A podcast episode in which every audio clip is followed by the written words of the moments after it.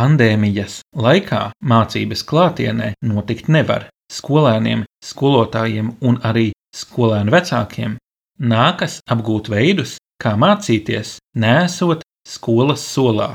Taču daži vecāki jau bija pasteigušies notikumiem priekšā. Viņi savus bērnus no sākta gala mācījuši mājās. Ne apstākļu spiesti, bet gan tādēļ, ka šādu mācīšanos viņi atzinuši par efektīvāku un bērnam labvēlīgāku risinājumu.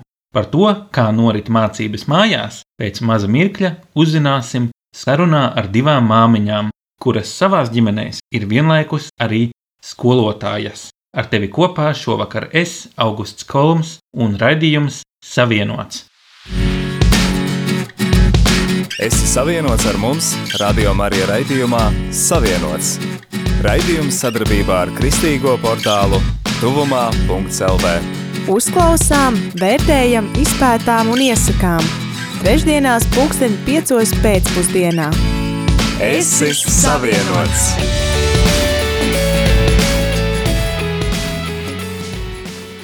Rubrika Ieklausāmies! Ar tevi raidījums Savienots! Radījumā savienots kopā ar mums ir Evelīna Sproģe un Inga Ziņģa Pupiņa. Evelīnas pieredzi lasiet arī kristīgajā mēdījā tuvumā LV zem virsraksta Dienas ritmi un mācības mājās. Tas ir pārpublicēts no žurnāla Skola un ģimene maija un jūnija numura. Šajā numurā lasiet arī tuvumā LV dibinātājas un mūsu bijušās redaktores Aijas Volkas rakstu Mācības mājās, patvērums siltumnīcā vai lidojums plašajā pasaules telpā. Man gribētos no jums dzirdēt, kā jūs nonācāt līdz mācībām mājās. Evelīna, tu jau man liekas, gan pirmā sāki, vai ne? Man vēl pirms mājmācības ir tāda pieredze, ka kamēr es izaugu līdz mājmācībai, man likās, ka es kā māma vai mēs kā vecāki augstākais punkts, ko varam izdarīt saviem bērniem izglītības ziņā, ir norganizēt vai nodibināt viņiem skolu, privātu skoliņu. Un tad mēs septiņas ģimenes kuldīgā, tas bija arī pirmais gads, kad mēs kā ģimene pārcēlāmies no Rīgas uz kuldīgu. Dzīvot, izveidojām mazu skoliņu, mazām klasītēm ar dažiem bērniem, ar īpaši mīļiem skolotājiem un gudriem. Un sanāca, ka mans vecākais dēls trīs gadus nogāja līdz trešai klasītē šajā skoliņā, un otrs dēls vienu gadu nogāja. Nu, lūk, un tad mani izaicināja viena mājmācību mamma, droši vien ziniet, Baiba Stikputa. Mums bija tāda zumā saruna ar viņu par citiem jautājumiem, un es sāku dalīties, cik mums ir forša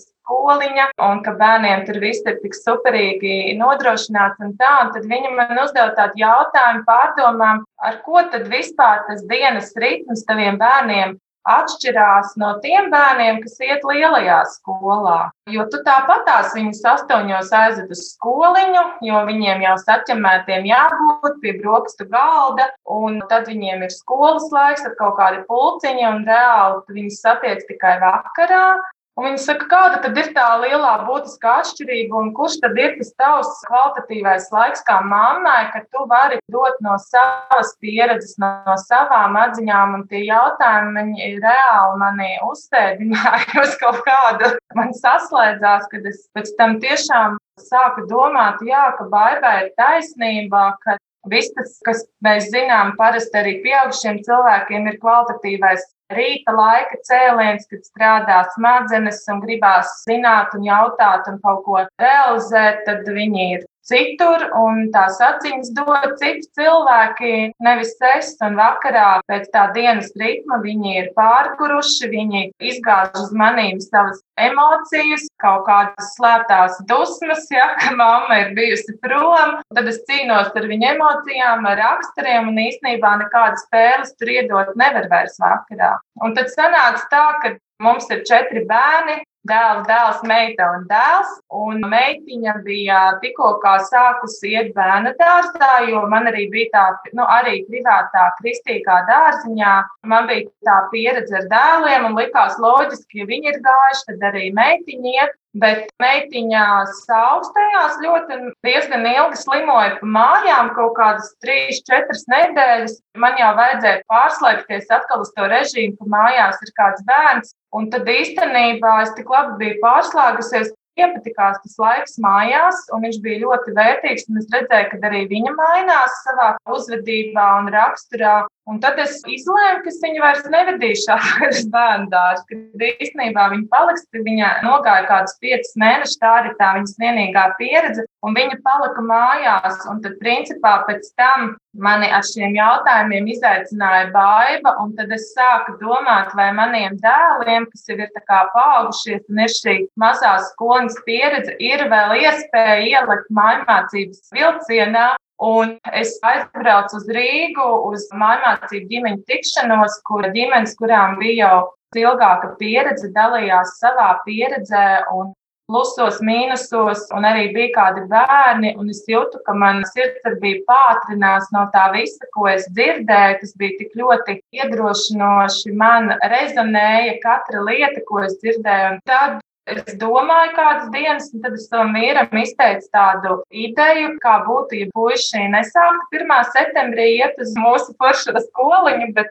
viņi paliktu mājās. Tas vīram bija diezgan liels šoks. Viņš nebija vēl tik tālu aizgājis kā es savā pārdomās. Un tad es piedāvāju, ka uztaisam vienu tādu mēnesi eksperimentu un skatāmies, kas ar mūsu bērniem notiek, kā mēs paši tiekam galā. Un īstenībā Tas mēnesis bija ļoti foršs. Es, protams, varētu dalīties par to, kā es sākumā mēģināju skolu ienest mājās, gan grafikā, gan izpildījumā ar maltītēm, ar brīvo laiku. Jā, es biju lapju muguru no tā visa. Bet īstenībā tu pats lēnām dziedinies no savas bērnības pieredzes, no tās pieredzes, kas varbūt jau ir tiem bērniem iedots, un sāc veidot pilnīgi jaunu ceļu, jaunu pieeju. Tu saproti, ka Mājmācības modeļus īstenībā nemaz nevar nokopēt, jo viņš ir katrai ģimenei unikāls, ņemot vērā, kādi katram ir raksturi, temperamenti, dzimumi, vecumi, vieta, kur dzīvo,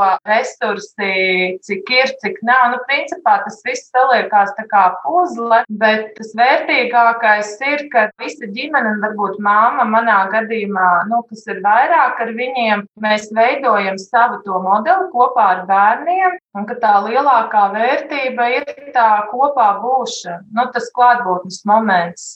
Meitai ir tagad astoņi gadi, tad tā tīrā mācības pieredze pieci gadi jā, varētu būt kopā.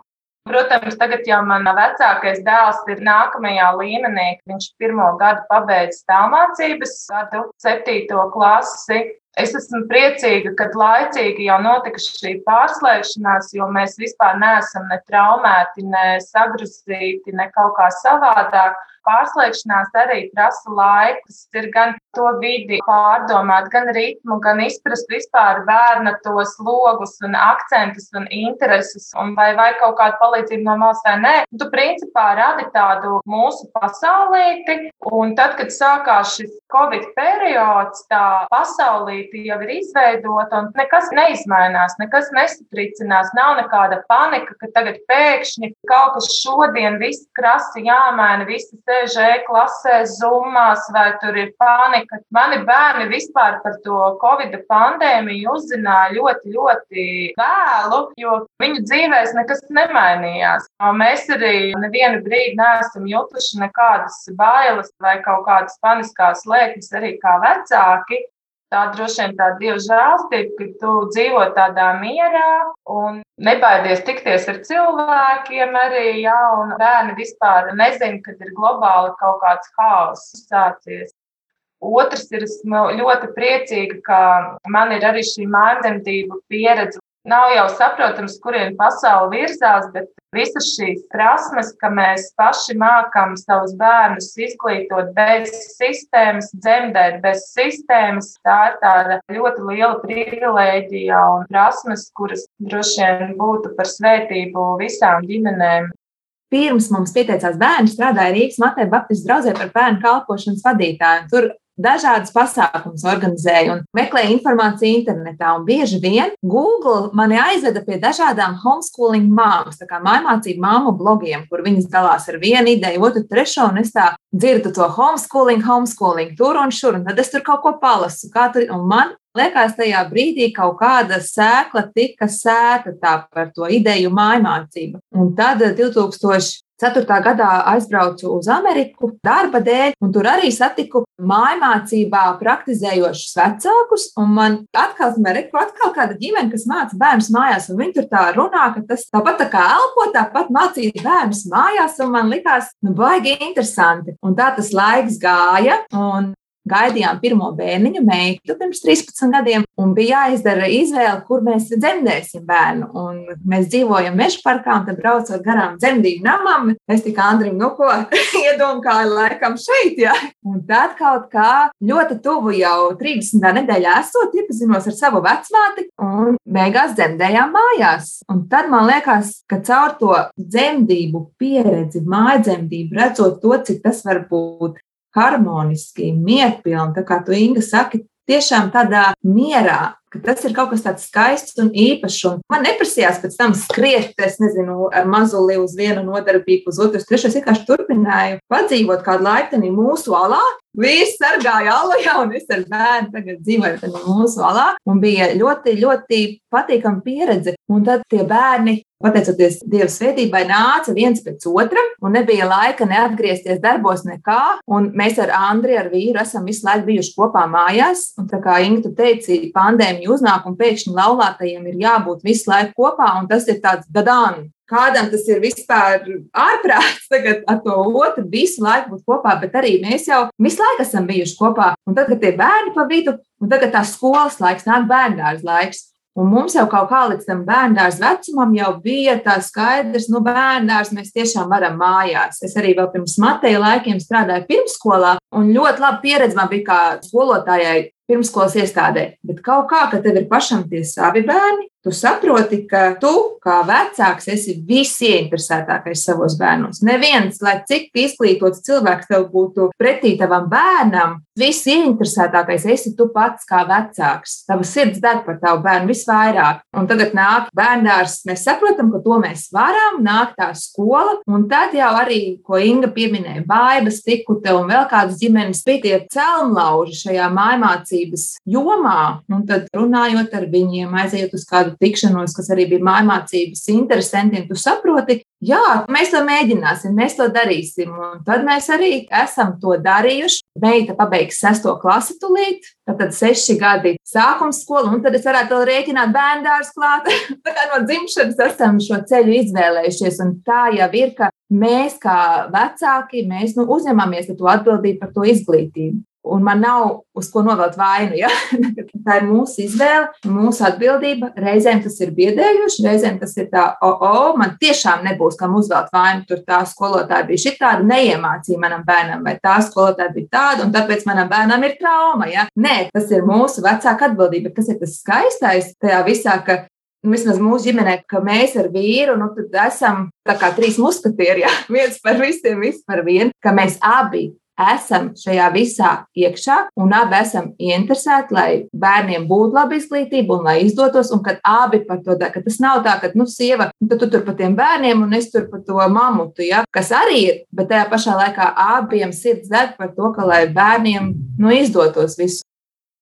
Jā, es domāju, tā bērnu mācīšanas lieta ir ļoti izaicinoša lieta, ko darīt. Tas nelīgtos tik pašsaprotami. Izdarīt pareizās izvēles, zināt atbildes uz visu, kas tiek mācīts skolā. Es gribētu jautāt, vai jūsuprāt, tas ir kaut kas, ko jebkurš no vecākiem var darīt, jebkura mamīte, jebkurš tētis, kas var atrast laiku, vai tur ir vajadzīgas kādas īpašas zināšanas, pieredze, dotības, kaut kas tāds, kas varbūt visiem nav piemērots mūsos iekšā ir daudz vairāk nekā mēs to aptveram. Tie resursi, kas ir mūsos, ir uh, mega lieli, un mums liekas, ka es jau tur nevaru, es jau nē, un tā.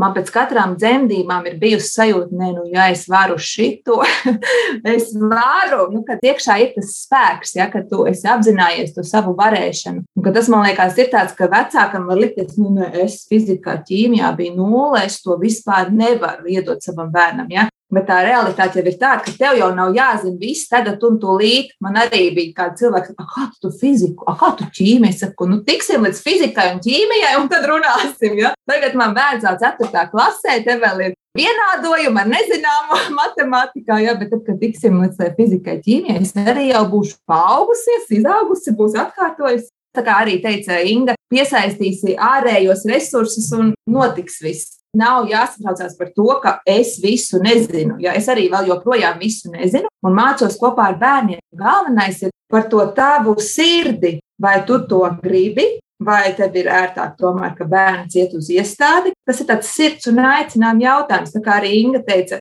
Baiba uzprasīja jautājumus, un tu pēc tam paliki vienkārši ar tādu hmm, pārdomām, bet tiešām Man arī ir bijušas kādas sarunas ar māmām, kas saka, nu, ka jāved bērns uz bērnu dārzu. Es saku, kāpēc ir jāved bērns uz dārzu? Un tad tā mamma, bet paga, nu, it kā visi tā dara. Visi ved bērnu uz dārzu. Ja es nevedīšu sevi uz dārzu, tad ko es ar draudzenēm, par ko es runāšu? Nebūs tur par ko dusmoties, ka tāda paciņa vai šī tāda Ziemassvētkos vai skolotāja tāda dāvana un WhatsApp grupas tur viss. Tie, kas ir tādā realitātē, zina, kā tas ir bērns iet bērngārzā, vecāku WhatsApp grupas un nenormāls saraksts un viss kopā. Tas ir vienkārši pieņemts, ka tā taciņa ir jāiet. Tad bērns piedzimst, tad divi pus gadi viņš iet bērngārzā, es eju darbā, pēc tam ir skola, es tik turpinu strādāt. Tas ir tāda, tā kā arī Inga teica, tāda sistēma, kaut kas, kas arī manī ir bijis iekšā tāds, ka tā ir jābūt, bet tad tu vienā brīdī vienkārši apstājies vai dzīve tev apstādina un tu sāc domāt, paga, paga, paga, paga, paga. Kāpēc vispār mēs darām to, ko mēs darām? Kāpēc? Kāpēc vispār bērnārs sākās? Kā vispār skolas sākās? Kas bija industriālā revolūcija? Un tad tu tā sāc domāt, ko skolā māca. Un es neesmu pret skolu. Ir ļoti daudz brīnišķīgu skolotāju, kas dara savu darbu. Acis viņiem mirdzas ar pie viņiem labprāt ja ir kāds seminārs, sēžu, mācos un smeļos idejas un iedvesmojos. Tā kā ir brīnišķīgi cilvēki daudzās dažādās sfērās. Vienkārši mūsu ģimene esam satvēruši to, ka šis ceļš ir mūsu, kas ir jāiet, un tad mēs to arī ejam. Un laika gaitā visu vajadzīgo apgūstam, un tagad šajā laikmetā, kad tik tiešām daudz kas ir internetā un YouTube, kā mans teica, ar saku, tu vispār nevarēji iedomāties, ka tu varēsi augstākās raudzes profesors klausīties YouTube, tur Harvard vai Yale vai kaut kādas universitātes. Tur, tur normālos apstākļos pie viņiem netika, bet tagad tu vari atrast, ja tu gribi mācīties, tu vari visu atrast un uzzināt. Tā kā nevajag baidīties no tā, ka tu neesi pietiekami kvalificēts. Un, protams, ka apkārt arī būs cilvēki, kas pasakīs, pagaidi, bet tev taču nav izglītība. Kā tu vari bez skolotāja diplomu šo darīt? Nevajag ļauties bailēm. Ja tu to satver, tad es gribu iedrošināt, atrast sev atbalstu komandu un pamēģināt. Īstenībā es, man liekas, kā mamma, esmu iedrošinājums tām mamām, kurām liekas, ka viņas nekādā gadījumā nav spējīgas mājās mācīt bērnus. Jo tieši tā es domāju par sevi. Un man likās, ka man nav ne tās rakstura iezīmes, ne arī, nu, ka es neesmu tāda tipiskā skolotājas tipa sieviete. Varbūt pat arī kaut kāds pacietības mērs manī nav. Un Es diezgan esmu sevi kā sieviete sabojājis pēdiņās, ja tā varētu teikt, tīri ar savu profesionālo pieredzi, esot teiksim, tādos ļoti atbildīgos amatos, un tas jau arī atstāja ja, kaut kādu nospiedumu. Es arī nevarēju iedomāties, kā tas tagad būs, kad es nometīšos uz celīšiem, uz paklāju ar saviem bērniem, un mēs kaut kādus LEGO logo kaut ko liksim. Nu, man tā bija tāda mistērija, vispār cita realitāte. Bet Tas, ko es esmu īstenībā sapratusi, ja, un varbūt, ja mēs paskatāmies vēsturiski, kur, kā jau Evelīna pieminēja vēsturi, ka Īstenībā skola sākumā bija mājās, kur gan lasīt vecāki iemācīja caur mājas darbiem kaut kāds, un kā tā skola pamazām izgāja ārā no mājas, bet viss sākās ģimenē. Un īstenībā ģimenē gan tēvs, gan māma, vai arī dzīvoja saime kopā, ja vecmāma vestāv, katrs iemācīja to, ko viņš bija sapratis un zināja un prata vislabāk. Katram cilvēkam ir sava pieredze dzīves, katram cilvēkam ir savas atziņas. Un tā, man liekas, arī ir tā pirmā tīrā izglītība, ko es gribētu nosaukt, ja, kas ir tā vērtīgākā, ka mēs katrs varam kaut ko iedot. Ja, savam bērnam, svešam bērnam, nu katram ir kaut kas. Ja jautājums ir par izglītības sistēmu, kas ir apstiprināta valstī, ja, un kurai tev it kā ir teorētiski jāpieskaņojas un jāapgūst, un tā, nu, tad tur man arī ir tādas duālas sajūtas, bet arī šobrīd man šobrīd, teiksim, vecākais dēls beidz 7. klasi, otrs dēls 5. klasi, meita 1. klasi un maziņais maziņš, bet es viņiem varu iedot tikai to, kam es pati ticu. Ja es, piemēram, kā mamma īsti nesaskatu jēgu sociālo zinību priekšmetam, tām stundām, ko skolas velta, lai tagad šo grāmatu ar šīm tēmām izmācītos, Tad es arī saviem bērniem to iedot nevaru, jo es pati neticu, ka tas ir tik vērtīgi, jo sociālās zinības mēs patiesībā apgūstam ikdienā visu laiku kaut kādās situācijās. Ir visu laiku viņiem kaut kādi jautājumi, nezinu, par cieņu, par to, par to, un tur nevajag grāmatu kaut kādu, lai ietu pēc punktiem. Tāpēc Ja sākumā man bija tāds milzīgs bailes, kā es debēju, kā es tur mājmācības māmu, kā es to visu varēšu, tāpat arī, jā, es domāju, es priekšu fizikas, ķīmijas, vēl kaut kas. Bet tagad esmu sapratusi, ka mani bērni, tāpēc ir mani bērni.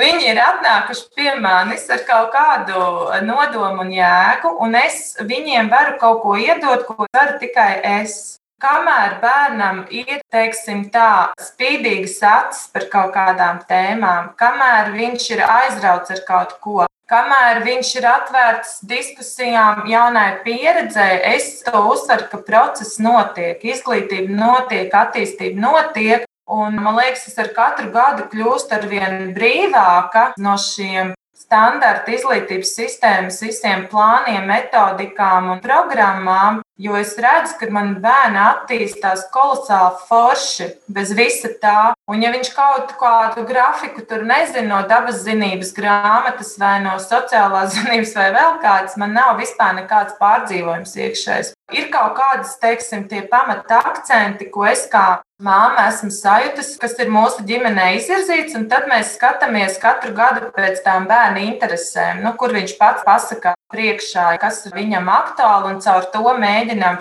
arī pārējās lietas pieraut klāt. Es saviem bērniem ļoti mācu domāt. Jā, mums ir ļoti daudz sarunu. Es viņiem mācu strateģiski domāt, taktiski domāt, pareizā attieksme, jā, ja tu kaut ko dari vai mācies.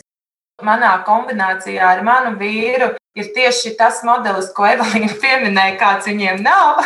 Viņš nes tikai tos mamutus mājās, un tā izglītība ir tāda, ka viņš ar dēliem iet brīvā laikā futbola spēlē, vai tur viņi kaut kādu koku māju kopā uzsit, vai viņš tur uztaisa viņiem orientēšanās ar kaut kādām slēptām balviņām.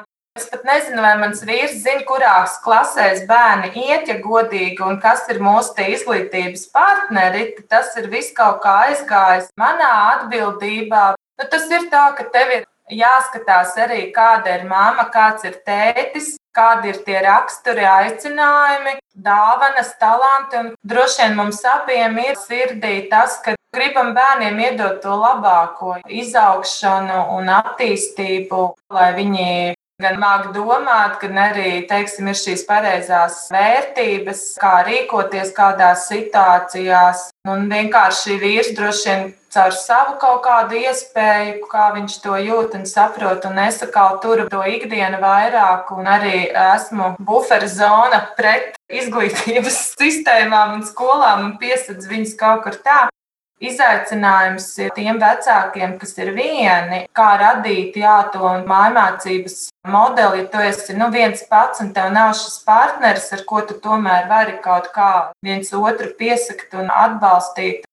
Un man arī nav zināma mamma vai tētis, kurš viens pats to dara, bet es domāju, ja jebkuri citi vecāki, ja viņiem ir svarīga bērna attīstība, tad vienalga, kādas ir viņu izglītības vai pieredzes, vai cik viņi jūtās atbilstoši, top unikāls mājmācības modelis caur šo ģimeni. Un, ja mēs intervētu bērnus, ko es arī tā diezgan bieži daru, ja, tad tie priekšstati par izglītību un vispār augšanu un, un apgūšanu lietu, kādi ir bērniem, un mums viņi arī ļoti daudz kur atšķirās. Nu, kas bērnam ir patiesi svarīgs, lai viņš justos mīlēts, lai viņš justos drošībā, lai viņš justos saprasts, atbalstīts. Es esmu jau tik sensitīva uz tām viņu interesēm, kad viņi paši nāk un paši kaut ko grib. Jo vismaz manā pieredzē es redzu, ka tas ir tāda veiksmes atslēga visu laiku attīstīt bērnu caur tām lietām, kas reāli viņu aizrauj caur ko viņam veidojas šie viņa pirmie mazie panākumi, un mazie panākumi ceļ atkal un veido veselīgu šo pašapziņu. Mans otrais dēls, viņš sāka skoliņu sešos gados, jo bija ļoti griboši kaut ko apgūt jaunu, bet vēl nemācīja lasīt. Un tā kā viņš bija sācis iet skoliņā, tad it kā pat mūsu ļoti mīlošā latviešu skolotāja viņa uzskatīja par ļoti lielu pienākumu, lai viņš sāktu lasīt šajā pirmajā klasē un palika ar viņu tur pēc stundiņām. Un viņi izdarīja tik lielisku darbu, ka viņam tā nobloķējās uz to, ka viņš vairs negribēja lasīt nekad. Vienkārši bija saforstēts ne laikā, ne vietā. Viņam viss kaut kas cits padevās, bet lasīt viņš negribēja. Iespējams, tur varbūt tas pirmais lodziņš bija palaists garām kaut kādā brīdī. Un tad, kad mēs bijām mājmācībā, tad principā es pat veicu tādu kā dziedinošo darbu, jo es redzēju, cik ļoti viņiem ir izdarīts pāri caur to, ka visi gribēja, lai viņš sāk lasīt. Un tad mēs to tēmu vispār nolikām nost uz kaut kādu gadu. kad neviens vairs viņam nespieda un es viņam ļāva attīstīties caur lietām, ko viņš vēlējās darīt. Tagad Benjaminam ir, būs 11 gadi vasarā, viņš tekoši lasa, saprot, ko viņš lasa. Un neviens nav cietis, ka viņš sāka lasīt deviņos gados. Tāpēc es domāju, teiksim, tas ir vēl viens pluss, ko mājmācības bērni iegūst, ka tomēr skola ir pakļauta šiem standartiem, ko ir akceptējusi izglītības ministrija. Un visi pedagoģi tomēr mēģina pievilkties pa gadiem šiem standartiem, un viņiem ir tāda iekšēja pienākuma sajūta, lai katrs bērns ir šajā standartā bet tas var kādus bērnus salauzt, ievainot, sadzīt viņiem kompleksus, kaut kādu nepilnvērtības sajūtu vai pat varbūt izsmiešanu starp citiem bērniem, kuriem varbūt jau ir tas standarts, un tad bērns izaug liels un iet pie psihoterapeita un dziedina tās lietas, kuras viņš dabūja septiņos, astoņos gados. Nu, tas ir viens pluss, kad es redzu, ka Es esmu bērns kaut kādā ziņā pasargājusi, ja tā varētu teikt, ir māmas pienākums no šādām situācijām, kas īstenībā nav aktuālas un svarīgas cilvēka dzīvē vai cilvēkam kā tādam, bet viņas ir svarīgas tikai sistēmai. Paiet laiks, atverās jauni logi, un viss tiek atgūts. Nekas nav nokavēts, ja tu esi tur tuvumā, klātienē un vēro un skaties. Tā kā es iedrošinu, ja sirds sāk straujāk pukstēt un domas atgriežas pie tā, kā būtu, ja mūsu bērni mācītos mājās, tad tas ir iespējams. Un es arī visas mammas, kuras šobrīd ir īstenībā diezgan smagos emocionālos, garīgos stāvokļos pēc šīs attālinātās mācību pieredzes, iedrošinu pāriet mājmācībā, jo tā attālinātā mācība pieredze, ko tagad piedāvā klasiskā izglītības sistēma, ņemot vērā Covid laika apstākļus, tiešām ir, manuprāt, ļoti traumējoša.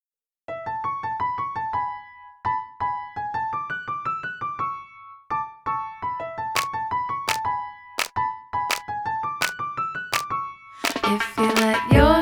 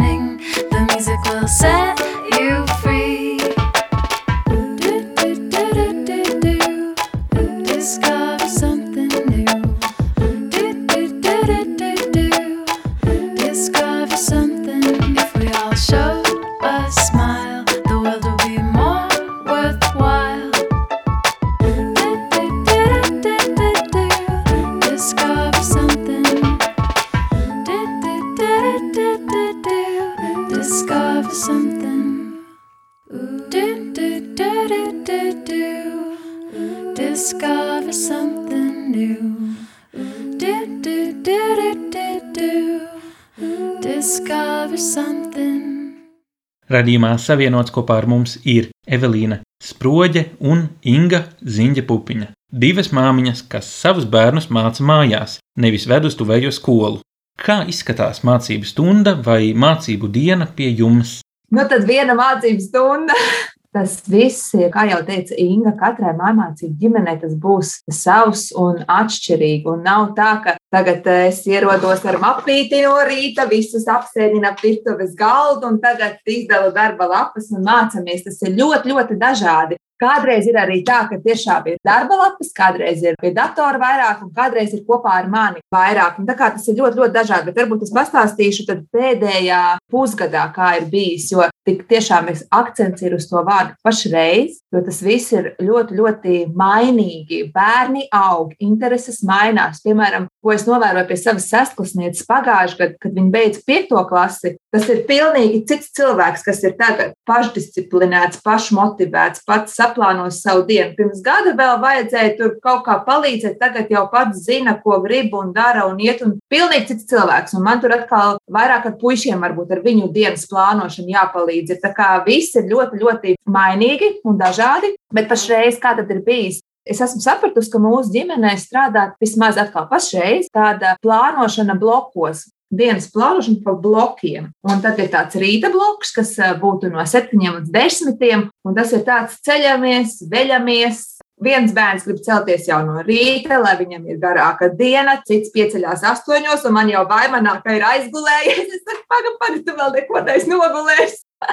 Un tad bērniem ir svarīgi pamosties, izskriet kādu apli pa sētu, palasīt tāds pašiem. Un mēs atkal ar vīru tajā laikā aizējām uz jūru, pastaigāt, nākam atpakaļ, visi kopā pabrokasto. Un es vēl pārēt pāri, ko tad es gribu tajā rīta cēlienā mācību blokā ar viņiem izdarīt. Un tad desmitos mēs tā kā sākam tās kopīgās mācības, un no desmitiem līdz vieniem tad ir tas bloks, kurā mēs mācāmies. Un tas arī ir ļoti dažādi, bet tas, ko es gribu, lai ir tāds kopīgais laiks, un tas būs vai nu mēs, piemēram, pašreiz paskatāmies vienas amerikāņu draudzes, saucās Church at Home, teiksim tā svētdienas skolas nodarbība, tad uz 15 minūtēm. Nu, mēs to noskatāmies, un tur iekšā būs gan bībeles stāsts, gan dziesma kopīga, gan pārdomas. Ko tas mūsdienās nozīmē? Bet, piemēram, tieši pašreiz ir par līdzībām, tad tā interesanti, kā to līdzību pārnest uz mūsdienām. Tad mēs iesākam tā, un tad atkarīgs, piemēram, kas tā ir pa dienu. Otradienā, ceturtdienā, tad arī krievalodā, tad ir rīta blokā kopā, mēs tur kopā paskatāmies YouTube krievalodu, tāds multinīts, un tad pamācāmies jaunus vārdus. Un citās dienās mēs ļoti daudz arī lasām kopā. Es lasu priekšā dažādas grāmatas, gan daļu literatūru, gan arī varētu teikt, tādu it kā daļu literatūru, bet tā kā dzīvās grāmatas, kas ir par dabu. Piemēram, nu pat pabeidzām Jāņa Baltvilka grāmatu par reibeņu mežu. Tā grāmata ir tāda, ka tur, piemēram, ir nodaļa par ezi, un tā nav vienkārši ezīts Jānīts staigāja pa mežu, bet tas ir reāls ezis un reāls viņa piedzīvojums, ka viņš iekrīt bedrē un netiek ārā, un kā viņš beigās tomēr tiek ārā. Bet tajā stāstā mēs uzzinām ļoti daudz faktus par ezi, par mežu, par vispār eža dienu. Nu, nevis vienkārši trālā, trālā, bet viņš no tā kaut ko mācās. Un tad arī viņiem ir tāds uzdevums klausīties un pierakstīt. Kādreiz es aicinu pierakstīt trīs punktus, kas ir palikuši prātā. Tad ir atkal citas reizes, kad ja tā ir piemēram daļa literatūra, ir tādi blēņu stāsti. Tiešām pasakas, bet viņi jau ir tik lieli un viņi atšķir, kas ir pasaka un kas ir īstenība. Tad viņi tā pasmējās līdz tam autoram. Piemēram, lasot tādu pasaku, uzdevums ir izrakstīt ārā katram pēc spējām lietvārdus, darbības vārdus, īpašības vārdus, tad meita paņem klāt vēl vietnieku vārdus vai apstākļu vārdus. Vienkārši tu klausies to pasaku, vēl ar tā kā uzdevumu klāt. Kādreiz varbūt nav vispār uzdevumu, mēs vienkārši klausāmies, pēc tam pārunājam, un ja es gribu piemēram, akcentu likt uz to, atpazīt emocijas tajā stāstā. Nu, piemēram, lasām par ķēniņu nebukadnēci, lasām par degošo cepli. Un tad es bērniem prasu, nu, kā tev liekas, kā tie trīs draugi jutās tajā brīdī, kad viņi saprata, ka viņus tūlīt iemetīs tajā ceplī. Kā tev liekas, kā tu justos? Un tad man ir tādas kartītes, daudz kartītes, uz kurām ir dažādas emocijas sarakstītas. Un tad mēs tās padalām uz visiem, un tad ejam cauri, skatāmies, kādas varētu būt tās emocijas. Un mācāmies, piemēram, nosaukt, atpazīt emocijas. Tad es uzdodu jautājumu, nu, kā tev liekas, kā viņi jutās tajā ceplī, kad viņi ieraudzīja tur viņiem līdzās eņģeli. Un viņa nedeg. Un kā tev liekas, kā viņa tur iekšā jutās? Un kā viņa jutās, kad viņa iznāca? Kā jutās pats ķēniņš? Dažādi es mēģinu to rīta cēlienu apvienot literatūru, sociālās zinības, dabas zinības. Ja, ja vajag matemātikā kaut ko paņemsim, piemēram, kādu cieto riekstu, kā teica Inga, ka viņi praktizē tādu arī strateģisko domāšanu, vēl kaut ko arī, ka paņem kaut kādus nestandarta uzdevumus, ko visiem kopā parēķināt, padarīt ļoti, ļoti dažādi. Un tu arī dzirdi, ka tiešām tas rīts var būt ļoti dažāds. Nu, tā, tā kā mēs mēģinām no tiem desmitiem līdz vieniem kaut ko darīt šādu, un tad, piemēram, arī tur iekšā varētu būt kaut kāds individuālais darbs atkarībā no tā, vai man arī vēl kaut kas ir jāpaspēj tajā rīta cēlienā. Tad viņi pie datora ir uzdevumi LV, ir angļu valoda, rozeta stone, ir Soma LV, ir dažādas vietnes, kur tad viņi iet un pastrādā. Tad jau ir pusdienas, un tad ir pēcpusdienas bloks. Un tad viņiem ir arī individuālais darbs. Es gribu, lai viņi katru dienu lasa grāmatu, vismaz pusstundu, un lai viņš lasa, cik viņš ātri var vai lēni, bet lai viņš lasa. Un tad viņiem ir, protams, svēta lieta brīvītis. Brīvītis nozīmē 30 minūtes pie datora. Kādreiz arī pulksteņi kaut kā sajūg, kaut kā viņiem sajūg kādreiz. Bet, nu, neko te viņiem ir tas brīvītis pie datora, un tad viņi kā kur reiz, kādreiz YouTube skatās kādus video, un arī ļoti dažādi. Arī tas ir saistīts ar interesēm. Piemēram, vienā brīdī dēlam ļoti interesē konstruēšana, un kā no kartona visu kaut ko var uztaisīt. Dažādus, varbūt arī ieročus un lidmašīnas, periods par lidmašīnu lidmašīnām, un tad viņš būvēja lidmašīnas, mājturību un tehnoloģijas. Es nekad neiedomātos piedāvāt būvēt, tagad mēs visi kopā varētu uzbūvēt lidmašīnu. Bet bērns ar savu interesi, viņš tev pavēr to pasauli, un tad tu piegādā kartonu, karsto līmi un skaties, ko viņš tur dabū un gatavi. Un kādreiz arī varbūt arī brīvītī būs ne tikai izglītojošs saturs, bet izklaidējošs saturs, ka viņš vienkārši tur paskatās kādus trikus un kādas izklaides, ko varbūt es pati YouTube neuzliktu un kopā ar bērniem neskatītos, ja, bet viņi tur kaut ko tādu. Tad jau ir atkal jāiet ārā, jāpalīdz lauku darbos, un tad ir vakarcēliens, un tad jau jāiet ir gulēt. Tā mums tā diena izskatās, bet, protams, tās galvenās mācības ir no rīta. Un tas ir šajā arī pandēmijas laikā. Kā jau es aizkadrā teicu, ka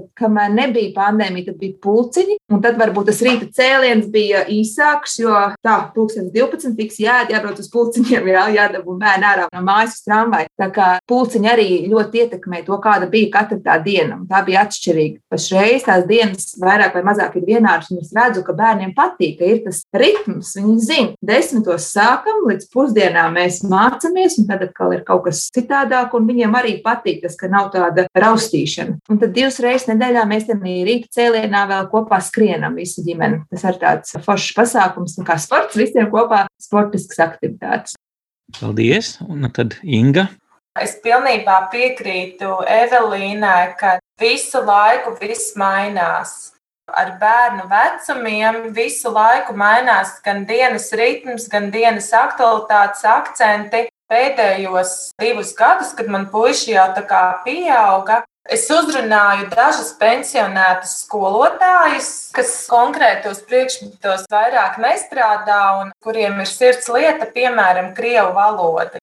Līdz ar to mūsu mājmācības ritmā ir ienākuši daži privāti no malas skolotāji, kuri man arī palīdz kādus priekšmetus Sākumā es uzorganizēju tādas tikšanās. Es gribēju, lai viņi novērtē no sava eksperta, kur bērns ir, un varbūt iemāca kaut kādas lietas no citas puses. Līdz ar to pēdējos divus gadus mums ir arī vēl klāta šāda pieredze, ka ir šīs tikšanās ar konkrētiem skolotājiem ik pa laikam, un tas jau arī to ritmu uzreiz izjauc savādāk. Teiksim, mums ir arī gan ar angļu valodas skolotāju tikšanās, ar krievu valodas skolotāju, mūzika.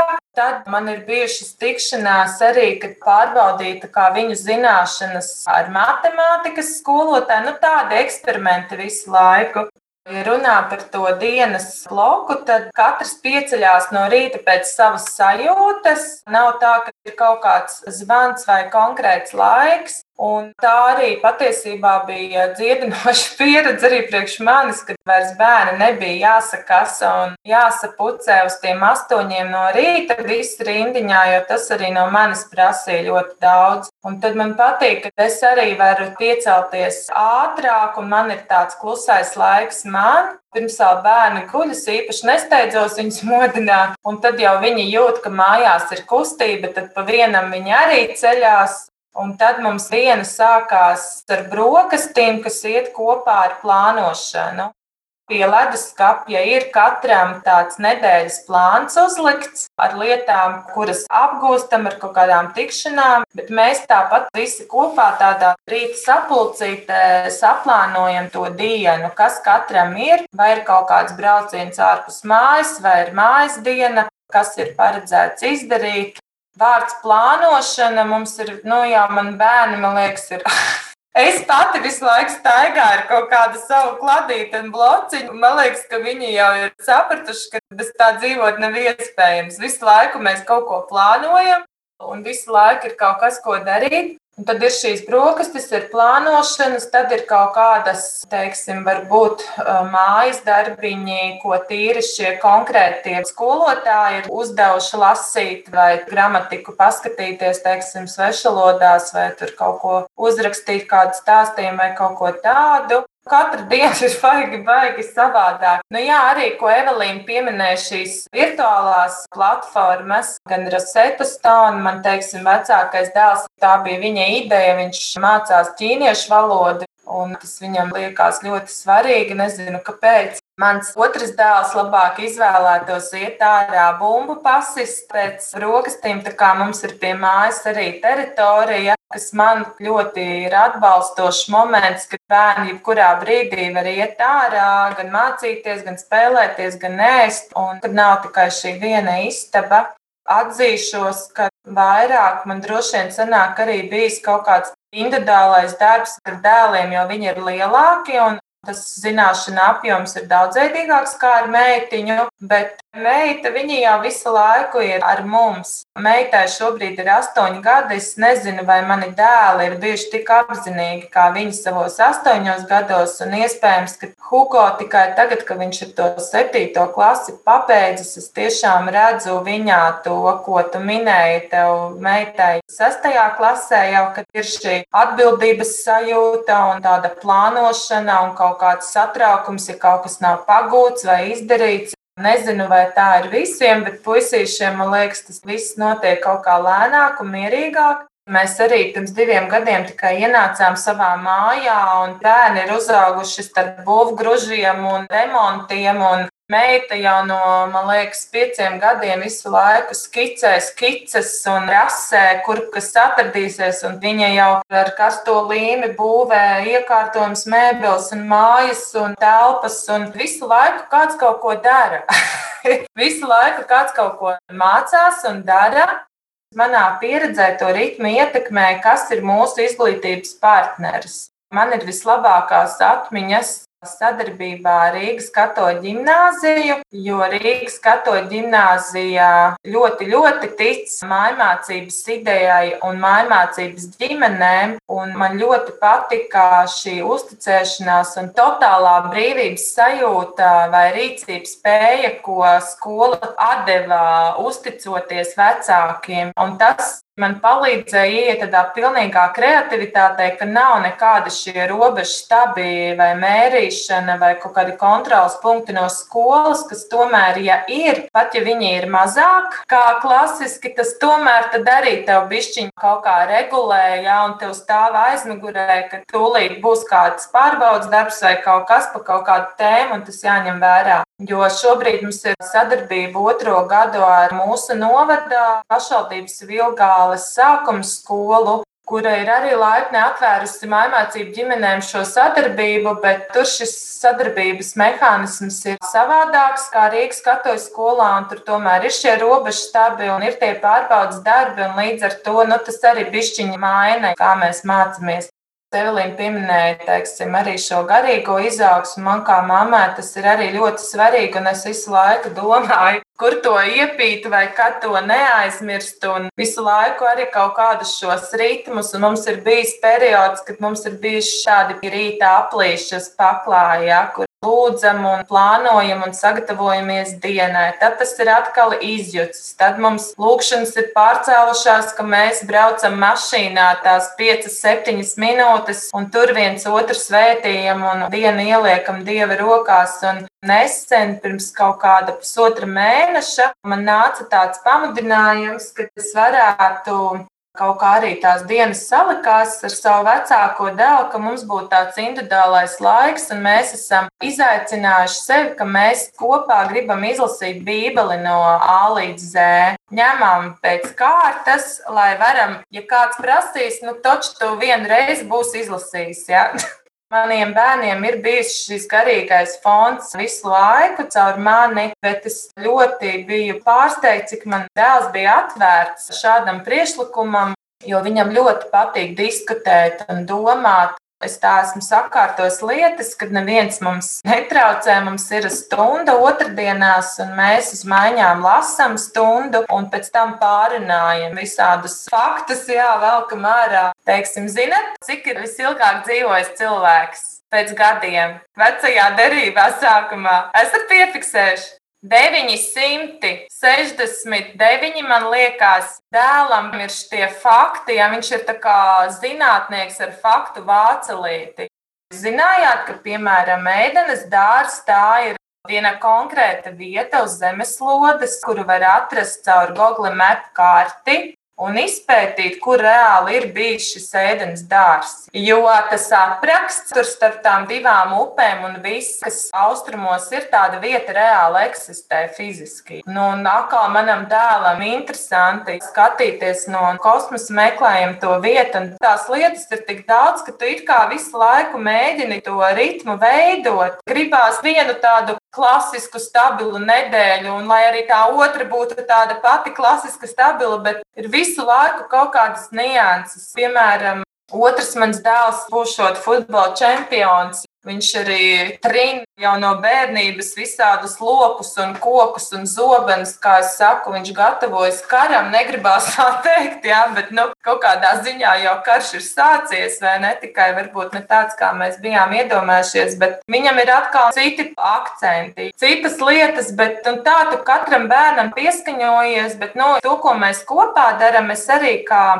Evelīna, es pieņemsim kaut vai Facebookā, kādreiz man patīk, kad es pēkšņi ieraugu vienalga ir kaut kāda ļoti forša motivācijas video, ja? vai nu kaut kāds pārdomju īsfilmiņa. Es viņu saglabāju sev, un es zinu, ka pie nākamās tikšanās reizes, kad Mēs būsim ar bērniem kopā. Pirms mēs sāksim kaut kādus darbus, tad mēs noskatīsimies to filmu, un mums atkal būs jau tēma, par ko parunāt. Ir šīs sarunas, kas ir kopā, tad ir kaut kādi uzdevumi, kas ir katram individuāli jāizdara. Vai nu viņi to dara patstāvīgi, vai nu es, teiksim, eju ar savu atbalstu. Šobrīd jau mums parādās tādas tendences, ka, piemēram, vecākie brāļi skaidro māsai, kas ir super, nu, kad man ir tādi arī arī skolotāji palīgi. Benjaminam atkal noveicās, ka neskatoties uz pandēmiju, futbola treniņi notika visu cauri ziemu ārā, stadionā, sniegu lietu un tā tālāk, kas it kā bija atļauts.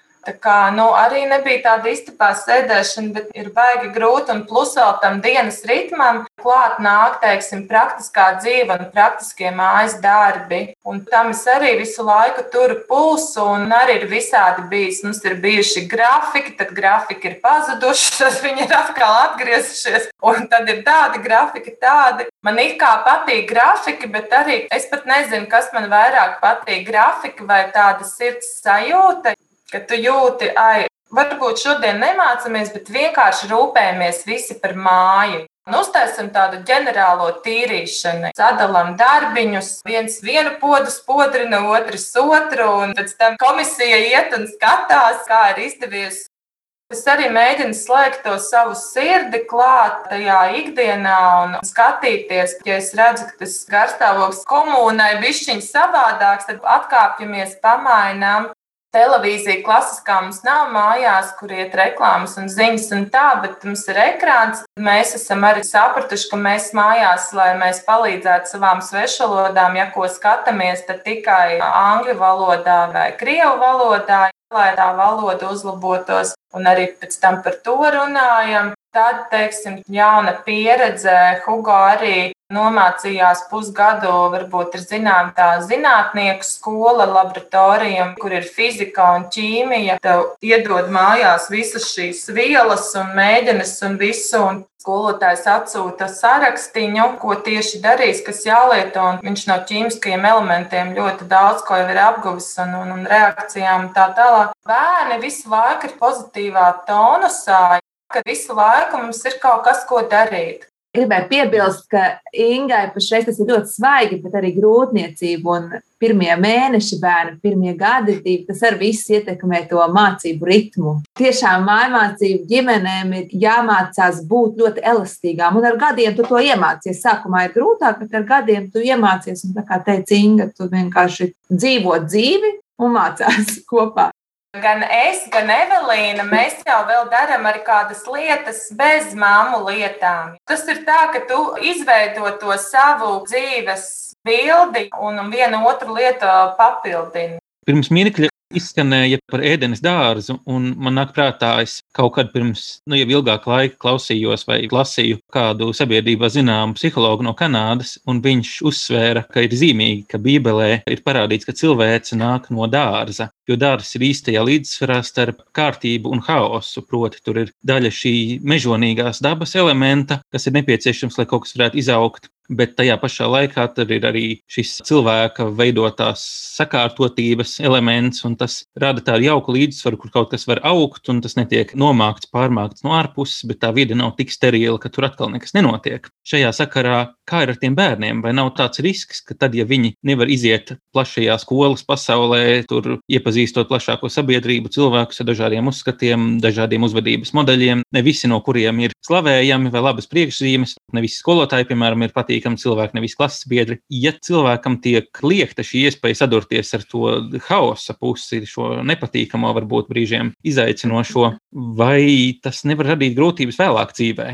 Kā varbūt jūs to kompensējat? Nevajag satraukties, ka bērni tiek turēti siltumnīcā, jo arī sievietes ir cikliskas būtnes, un mani bērni arī ir piedzīvojuši mani gan kā māja saulīti, gan mani kā puķi. Tas ir tāds biets, jā, ka nav tā dzīves pieredze, jā, ārprāts, bet tad es domāju, bet manam bērnam vajag astoņas stundas pavadīt skolā, lai viņš tagad dabūtu redzēt to visu. Viņam pietiek arī ar pulciņiem, viņam pietiek, ka aizejot uz pilsētu, aizejot uz veikalu. Tur arī ne jau visi cilvēki ir laipni, ne jau visi ir tajā labākajā savā kondīcijā, viņš jau redz tās negācijas. Vai kādreiz arī sporta skolā atnāk puika mājās pastāst, tur šitas tas, vai viņš ir redzējis tagad, ka viņam nepatīk tāda situācija garderobē, ka tur iemet citi puiši, cita soma izkastē, jā, un tad mēs pārunājam, kā tu jūties, un vai treneris tur kaut kā reaģē. Tā kā tās situācijas jau mums ir visur un visu laiku apkārt, un bērni apmeklējot pulciņus, tiek tām situācijām ekspozēti. Nu, viņi redz reālo dzīvi, kas notiek. Es runāju pirms pandēmijas. Ja tu brauc ar sabiedrisko transportu, tu taču redzi, cilvēki ir tik dažādi sabiedrība, sociālie slāņi, nu, tas viss ir visur apkārt. Nu, pateikt, ka man tagad bērns jāsūta obligāti skolā, lai viņš dabūtu to dzīves mācību, es domāju, ka nē, ka tā nav. Mums apkārt ir pietiekami daudz cilvēku, lai viņš to apgūtu. Ļoti bieži par šo, nu kā tad tavs bērns socializēsies? Viņš taču nesocializējās, bet es arī piekrītu Evelīnai, ka man patīk, ka tā socializēšanās notiek caur interesēm, kur satiekās dažādi vecuma bērni, bet viņiem ir kaut kas vienojušies, kas viņus interesē. Nevis viņi socializējās skolā ar sava vecuma bērniem, kas īstenībā ir nedabīgi. Viena vecuma bērna sadzīti vienā telpā, bet viņiem Iespējams, katram ir savas intereses, attīstības līmenis un tā tālāk. Man ar bērniem ir ļoti tuvas attiecības, ļoti atklātas attiecības. Principā nav tāda tēma, par ko es ar viņiem nerunātu vai pateiktu, tas nav priekš jums vai jūs pa jaunu. Mans dēls iet futbola komandā, un futbolisti ir diezgan agresīvi. Jo tur no dažādām ģimenēm, un tur ir arī tādi tēvi, kuriem futbols ir visa dzīve. Un fanojot, nāk ārā visādi vārdi, trīs stāvos un divos. Un Benjamins ļoti bieži man ir atnācis mājās. Es tur dzirdēju, pieņemsim tādu vārdu, jā, vai tādu vai tādu pārsvarā no krievu valodas. Es viņam iztulkoju, lai viņš saprotu, kas tas ir. Nu, tad tu vari izdomāt, vai tu tādu vārdu gribi lietot vai nē, jo bieži bērni jau pat nezina, ko viņi saka, bet viņi sāk kopēt kaut ko, jo liekas, ka tas ir kaut kas krūts. Tāpēc, manuprāt, par to vispār nav šaubas. Tie, kas ir satikuši manus bērnus, cilvēki saka, īpaši mans vecākais dēls, ka tik atvērts cilvēkiem, komunikāls, un viņš iet un var nointervēt jebkuru. Vispār nav nekādas problēmas ar komunikāciju, vai bailes no cilvēkiem, vai kaut kas tāds. Man liekas, ka tieši pretēji pat kaut kādi skolas pedagoģi, kuriem ir bijusi iespēja pastrādāt individuāli vai satikties. Teiksim, mēs šogad mēģinājām mākslas skolu, bet Covid dēļ tur arī viss izbeidzās. Tad man visi šie skolas pedagoģi saka, nu, tavi bērni ir kaut kādi savādāki, tik inteliģenti, tik domājoši, tik saprotoši. Nav nekādas tur uzvedības problēmas, ar ko parasti skolotāji cīnās, ka viņi slapjām mugurām dzenā viņus pa klasi vai vēl kaut ko. Tā kā es domāju, ka mūsu bērni neko nav pazaudējuši, neejot lielajās skolās, kur ir klasē 30 skolnieki. Viņi domā, viņi redz, viņi arī kļūst vērotāji, viņi jau redz pasaulē, kas notiek. Viņi redz netaisnības, viņi tās pārdomā. Un mēs arī ļoti bieži, kā Evelīna saka, pārunājam visu. Domāju, mājmācības bērni ir Latvijas nākotne. Varbūt kādai mammai ir aktuāli, tad Es pirms gada sajūtu sirds aicinājumu izveidot slēgtu grupu Facebook, Goldinga Ninga māmu laiks, kur es tieši sajūtu, ka gribu dalīties ar mājmācību pieredzi, iedrošināt citas mammas par to padomāt un varbūt ieraudzīt to kā iespēju pāriet no attālinātās mācības uz mājmācību un vispār par to domāt, kā ja kādai mammai ir interesanti, tad ir tāda vietiņa. Goldinga Inga māmu laiks laiks, tāda slēgtā mammu grupa. Kopā ar mums raidījumā savienots bija maimācību māmiņas Evelīna Sproģe, Instagram at Evelīna Sproģe un mammas smaids net un Inga Ziņģa Pupiņa. Uzmeklējiet Facebook grupu Goldingen Inga Mammu laiks. Rubrika Iesakām Ar tevi raidījums Savienots. Kā jau minēju raidījuma sākumā, Evelīnas sproģis pieredzi ar mācībām mājās lasiet arī kristīgajā mēdījā tuvumā LV zem virsraksta Dienas ritmi un mācības mājās. Šis raksts sākotnēji publicēts saīsinātā versijā žurnāla Skola un ģimene maija un jūnija numurā kopā ar Aijas Volkas rakstu Mācības mājās, patvērums siltumnīcā vai lidojums plašajā pasaules telpā. Šo rakstu pārpublicējuši neesam. Ja jums šī tēma interesē, lasiet Aijas rakstu žurnālā Skola un ģimene maija un jūnija numurā. Aprīlī pie mums raidījumā savienots viesojās mācītājs Pēteris Eisāns un ar viņu mēs runājām par kristiešu dzīvi un ikdienas izaicinājumiem tuvajos austrumos, konkrēti Eģiptē un Jordānijā.